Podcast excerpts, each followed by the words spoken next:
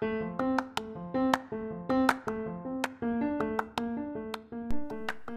uitzending van Boos over grensoverschrijdend gedrag bij de Voice of Holland heeft ontzettend veel losgemaakt. Steeds meer vrouwen doen hun mond open over seksueel grensoverschrijdend gedrag op de werkvloer. En ik hoop ook steeds meer mannen die dat overkomt. Hoe kan het zijn dat zij zo lang hebben gezwegen? Dat vragen we ons toch wel collectief af. En waarom konden de mannen of vrouwen in kwestie zo lang hun gang gaan? Wat is de rol van hiërarchie en macht? En welke andere vormen van grensoverschrijdend gedrag doen zich voor? De wetenschap heeft al veel kennis hierover voortgebracht die ik heel graag met je deel.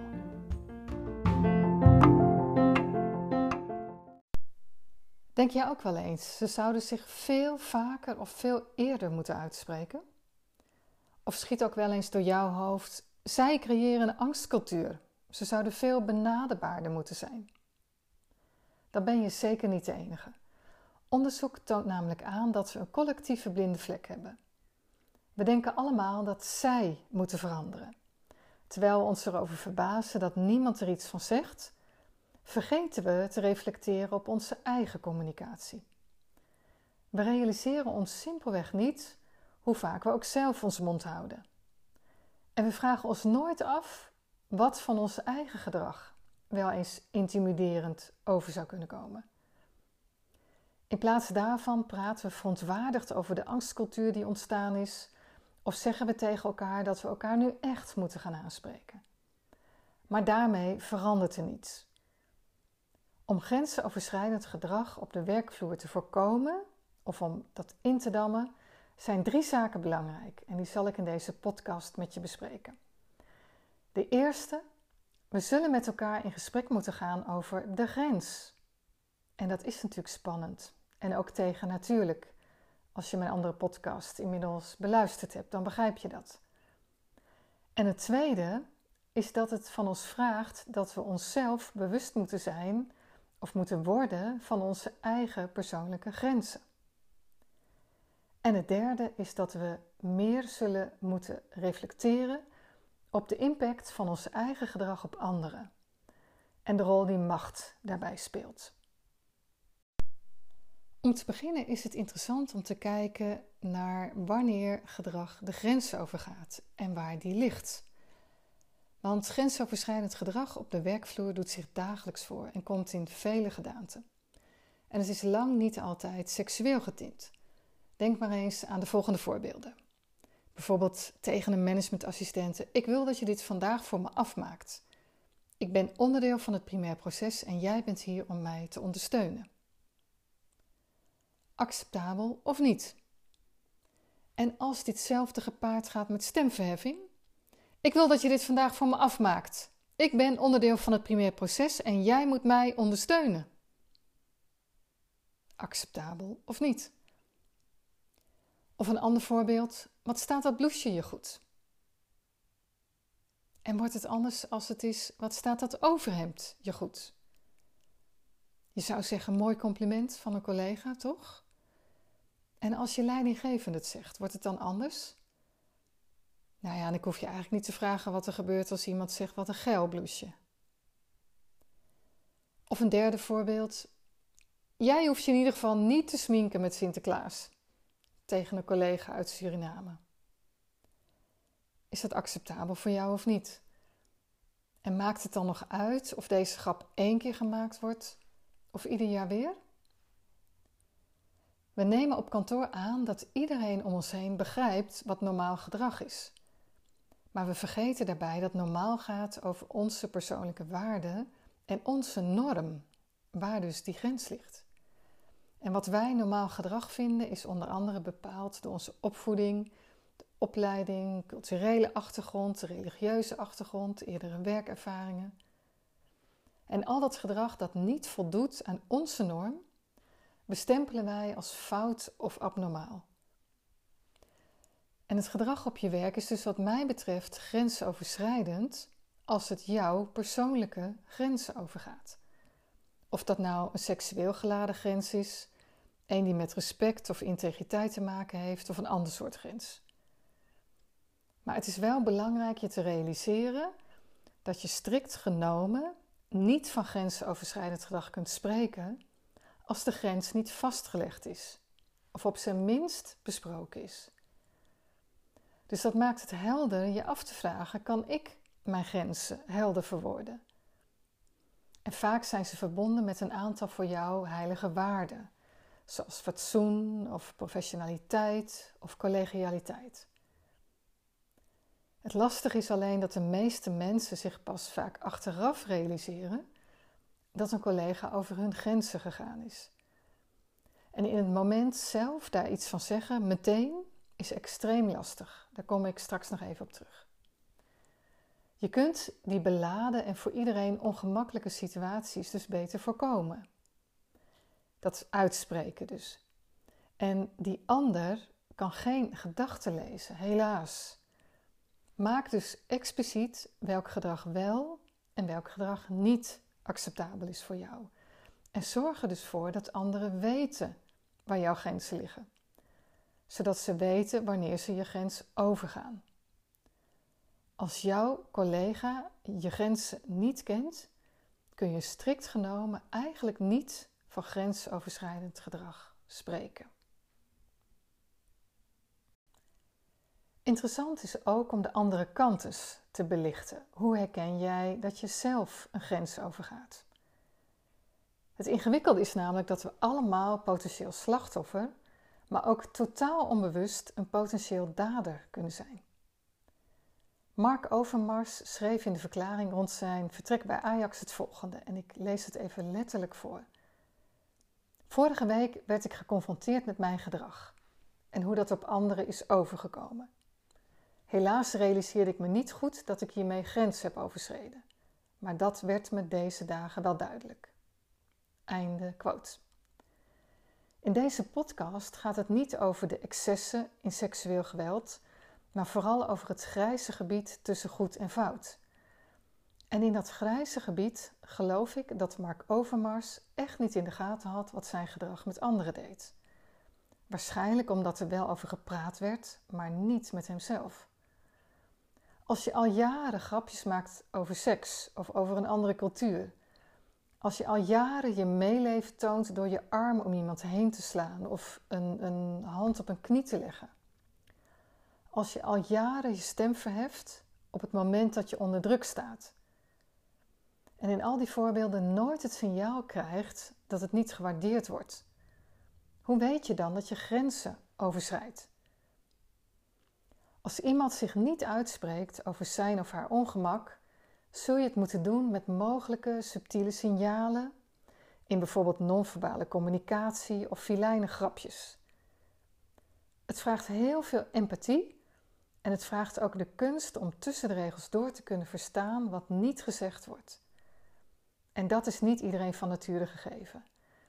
En als jij meer macht hebt dan de ander, zoals bijvoorbeeld in het geval van Mark Overmars, of hè, bij de voice, dan wordt het al helemaal ingewikkeld. Probeer er in ieder geval eens bij stil te staan, letterlijk. Als je er iets uitflapt waar je zelf ook even van schrikt, of een gewaagde grap maakt, kijk dan even hoe dit overkomt. En als je instinctief een hand op iemands knie legt, het komt wel goed hoor, en je realiseert je dat, kun je natuurlijk best even vragen: Oh, is dit oké?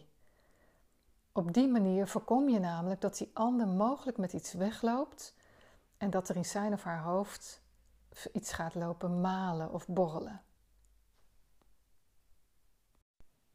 En we vragen ons natuurlijk allemaal af: waarom zeggen we niks? Maar eigenlijk is het niet zo verrassend dat de kandidaten van The Voice of de medewerkers bij Ajax zo lang hun mond hielden. De wetenschap heeft namelijk al lang en overtuigend aangetoond dat we ons niet uitspreken over ongewenst gedrag. Morrison en Milliken publiceerden daar als eerste over. Zij introduceerden het begrip employee silence. En dat definieerden ze als het opzettelijk achterhouden van potentieel belangrijke informatie over professionele issues. Maar waarom houden we ons dan stil? Wetenschappers vonden drie verklaringen. En ik ga ze stuk voor stuk even met je doorlopen. En de eerste die gaat over veiligheid. De wetenschap heeft aangetoond dat we ons niet veilig voelen in organisaties en dat we risico mijden. Voordat we iemand aanspreken op zijn gedrag, maken we meestal onbewust een risicoanalyse van de mogelijke negatieve effecten. Als ik dit zeg of doe, word ik dan in verlegenheid gebracht. Bestaat er een kans dat die ander mij dan incapabel of misschien wel een lastpak vindt? We laten onze stem in organisaties niet horen als we denken dat de ontvanger de informatie als negatief of beledigend of bedreigend zal ervaren. Of als we vermoeden dat we de ander ermee in gevaar brengen. En we delen ook geen input als we bang zijn dat dit leidt tot een emotionele uitbarsting. Of een verslechtering van de relatie met onze leidinggevende bijvoorbeeld. Of mogelijk als het leidt tot een negatieve beoordeling. Of plaatsing op ongewenste projecten, gebrek aan promotie of zelfs ontslag. Verder zijn we terughoudend met kritische input als de top van de organisatie in onze beleving niet tot luisteren bereid lijkt. We houden ons dus in als we onszelf niet veilig voelen of als we vermoeden dat de ander zich psychologisch onveilig voelt en zich door ons aangevallen zou voelen. Zeker als het onze leidinggevende betreft. Maar dat alles is gebaseerd op jouw perceptie. Dat hoeft dus niks met de realiteit te maken te hebben. En een tweede verklaring die in de wetenschap is gevonden wij hebben allemaal als mens een ongelooflijke hekel aan het brengen van slecht nieuws. In diverse onderzoek is onomstotelijk bewezen dat we een ongelooflijke hekel hebben aan het brengen van slecht nieuws. We zijn zeer teruggehouden met het geven van kritiek, met eerlijk zeggen wat we vinden of met een ander wijzen op zijn fouten. En we brengen de boodschap minder nauwkeurig als we verwachten dat het niet is wat ons publiek je leidinggevende, die collega, wil horen. Ook al is die aanname wellicht ongegrond. En dat verschijnsel heeft zelfs een naam, het MUM-effect, keeping mum. Momentum about undesirable messages. Dat is in 1970 geïntroduceerd door Rosen en Tesser. En alle auteurs en onderzoeksbronnen die ik noem, die kun je terugvinden in de artikelen die ik hierover gepubliceerd heb. Die staan onder andere op LinkedIn en Management Impact en Management Site. Nou, volgens deze wetenschappers die voelen mensen zich dus ongemakkelijk bij het geven van slecht nieuws, omdat ze empathie voelen voor de ander, zelfs als die zich onbehoorlijk heeft gedragen. En omdat ze bezorgd zijn over hoe die boodschap overkomt. Dus schuiven we dat gesprek voor ons uit Zetten we ons ongenoegen op de mail of in de app? Of geven we slechts maar een deel, een klein stukje van de boodschap? En de derde verklaring die wetenschappers gevonden hebben, die gaat over gezichtsverlies. Wij willen gezichtsverlies voorkomen, koste wat het kost, voor onszelf en voor die ander. We zijn niet alleen maar bezig om het leed van die ander te verzachten, maar we maken ons dus even goed zorgen over hoe we er zelf uitspringen in een lastig gesprek. Charles Bond en Evan Anderson hebben dat aangetoond. Die toonden aan dat de weerstand tegen het brengen van slecht nieuws vooral gebaseerd is op de wens om positief over te komen. Wij willen graag gezien worden als empathisch en betrokken en onthouden anderen daarom onze echte eerlijke feedback. En het is belangrijk een bepaald beeld van onszelf hoog te houden en ons imago te beschermen. Eigenlijk zijn we dus de hele dag door bezig gezichtsverlies te voorkomen. Nogmaals, voor onszelf en voor die ander. Het lastige is alleen, hoe langer we al zwijgen, hoe lastiger het wordt erover te gaan praten. Daar is ook veel onderzoek naar gezien. Dat onderzoek laat zien dat de stem van medewerkers in veel organisaties daadwerkelijk wordt onderdrukt. Meestal als gevolg van onbewuste, zichzelf versterkende processen. Het besluit je niet te laten horen is bij aanvang een individuele keuze. En die kan voortkomen uit overtuigingen zoals je moet autoriteiten nooit tegenspreken. Of als je een kritische opmerking maakt, krijg je meteen het stempel van surpiet. Maar het kan ook voortkomen uit eerdere negatieve ervaringen, waarbij bijvoorbeeld niks met je input werd gedaan. Die ervaringen en overtuigingen die worden gedeeld onder elkaar. En die kunnen dus leiden tot een soort collectieve overtuiging. Dat je mening ventileren geen zin heeft omdat er toch niks mee gedaan wordt. Of omdat de top toch niet luistert. Ze worden stilzwijgend onderdeel van de bedrijfscultuur, terecht of onterecht. En zo kan brede weerstand ontstaan om over kritieke issues te praten. Mensen voelen zich niet gehoord en machteloos. Ze geven de hoop op dat het ooit nog zal veranderen en berusten in een collectief stilzwijgen. En hoe langer mensen dus al zwijgen, hoe lastiger het wordt hen ertoe te bewegen hun mond open te doen over belangrijke zaken, zoals bijvoorbeeld grensoverschrijdend gedrag.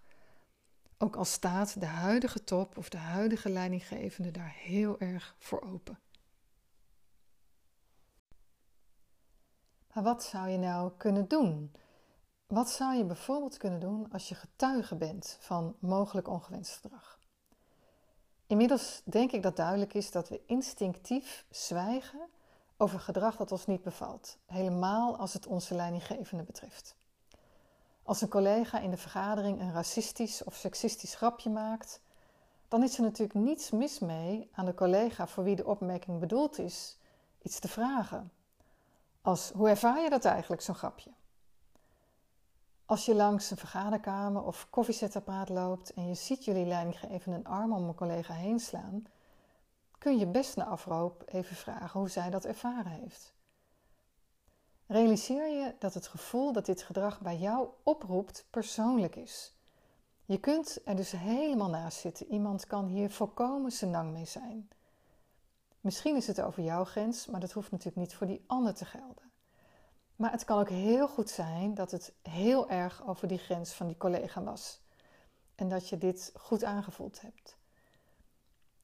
Let er dus op dat je het niet direct als fout bestempelt, maar toets het gewoon hoe jouw collega dat ervaren heeft.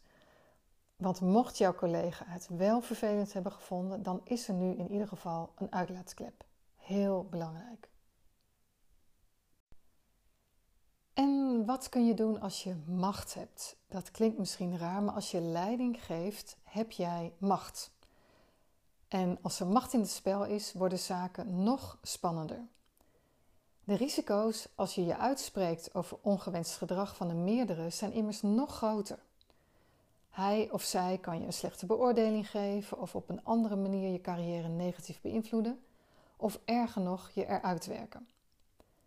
Als je leiding geeft, is het goed je te realiseren dat je ondergeschikte je zoveel macht toedichten, ook in negatieve zin, hoe onwerkelijk dit voor jou misschien ook is. Wetenschappelijk onderzoek laat zien dat wanneer je mensen macht geeft, hun zelfvertrouwen en hun zelfoverschatting toeneemt. En nogmaals, de bronnen van al deze uitspraken kun je terugvinden in het artikel wat ik over dit onderwerp schreef op LinkedIn, Management Impact of Management Site. Nou, hoe hoger je in de hiërarchie staat, hoe sterker dat effect. En een ander aangetoond effect van succes en van het stijgen op die machtsladder is dat mensen abstracter en minder concreet gaan denken, meer van zichzelf uitgaan en dat hun empathisch vermogen afneemt. Jij bent dus niet meer dezelfde persoon als 10 of 20 jaar geleden, toen je nog geen leiding gaf. Je bent minder sensitief voor signalen over jouw gedrag. En hoe hoger in de boom, hoe sterker waarschijnlijk de vermindering van die sensitiviteit. Het lastige is dat die ook die signalen over die feedback en over jouw gedrag, dat die ook nog verkapter naar je toe komen.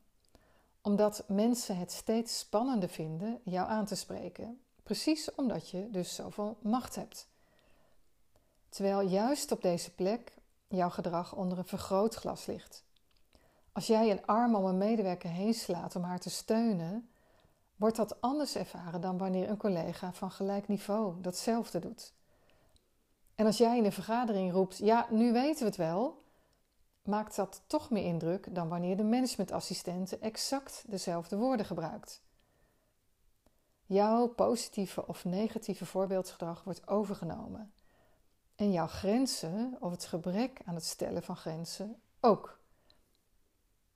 Onderzoek laat verder zien dat het aanmoedigen van uitspreken niet zozeer gaat over het aanmoedigen van dat gedrag bij ondergeschikten, maar dat het meer gaat over het aanmoedigen van luistervaardigheden van de bovengeschikte, de leidinggevende, jij dus. Je moet als machthebber dus beter luisteren, explicieter zijn over het begrenzen van andermans gedrag en tegelijkertijd meer op je tellen passen als het om je eigen gedrag gaat. Best een opdracht, dat realiseer ik me. Maar je hoeft het niet alleen te doen. Het is tijd om samen in de spiegel te kijken. We kunnen ongewenste excessen op de werkvloer alleen maar voorkomen door aan de ene kant glashelder te zijn over onze persoonlijke grenzen en aan de andere kant alert te blijven op subtiele signalen over de impact van ons eigen gedrag op die ander. Als je ongewenst gedrag ervaart, hoe lastig of spannend het ook is, spreek je uit. Ik heb in mijn eerdere podcast daar nog wat meer tips over opgenomen en ook aangegeven dat is eigenlijk de enige oplossing. Maar zoek daarbij hulp als je die nodig hebt. Bereid een gesprek samen voor of voer het samen als je je heel kwetsbaar voelt. Je uitspreek is helaas echt de enige manier om voor jou ongewenst gedrag te stoppen en ander gedrag aan te moedigen. Maar vraag jezelf ook eens af waar jij zelf mogelijk je ongewenst gedraagt in de ogen van je collega's. Probeer subtiele hints op te vangen en vraag daarop door. Let vooral op grapjes en bijzinnen. En als je leiding geeft, heb je nog een extra verantwoordelijkheid. Zorg dat jouw grenzen voor iedereen duidelijk zijn. Want als jij je niet uitspreekt, zullen zij denken: het is oké voor hem of voor haar. Ook al is dat niet zo, dat is wel hoe zij jouw zwijgen zullen interpreteren. Dus wees helder over je grenzen, leef ze zelf en faciliteer het gesprek daarover in je team. In de woorden van Megan writes: We need to stop the blame game. Look in the mirror and face up to not only how we silence ourselves, but also how we silence others.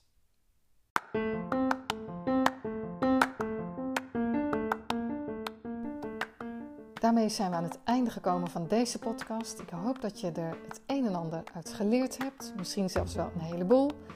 Um, nou, zoals gezegd, meer informatie kun je vinden op www.succesvolaanspreken.nl. Daar vind je ook informatie over mijn onderzoek, over het boek Aanspreken gewoon doen en over het online leerprogramma. Je kunt online leren je eerder en scherper uit te spreken.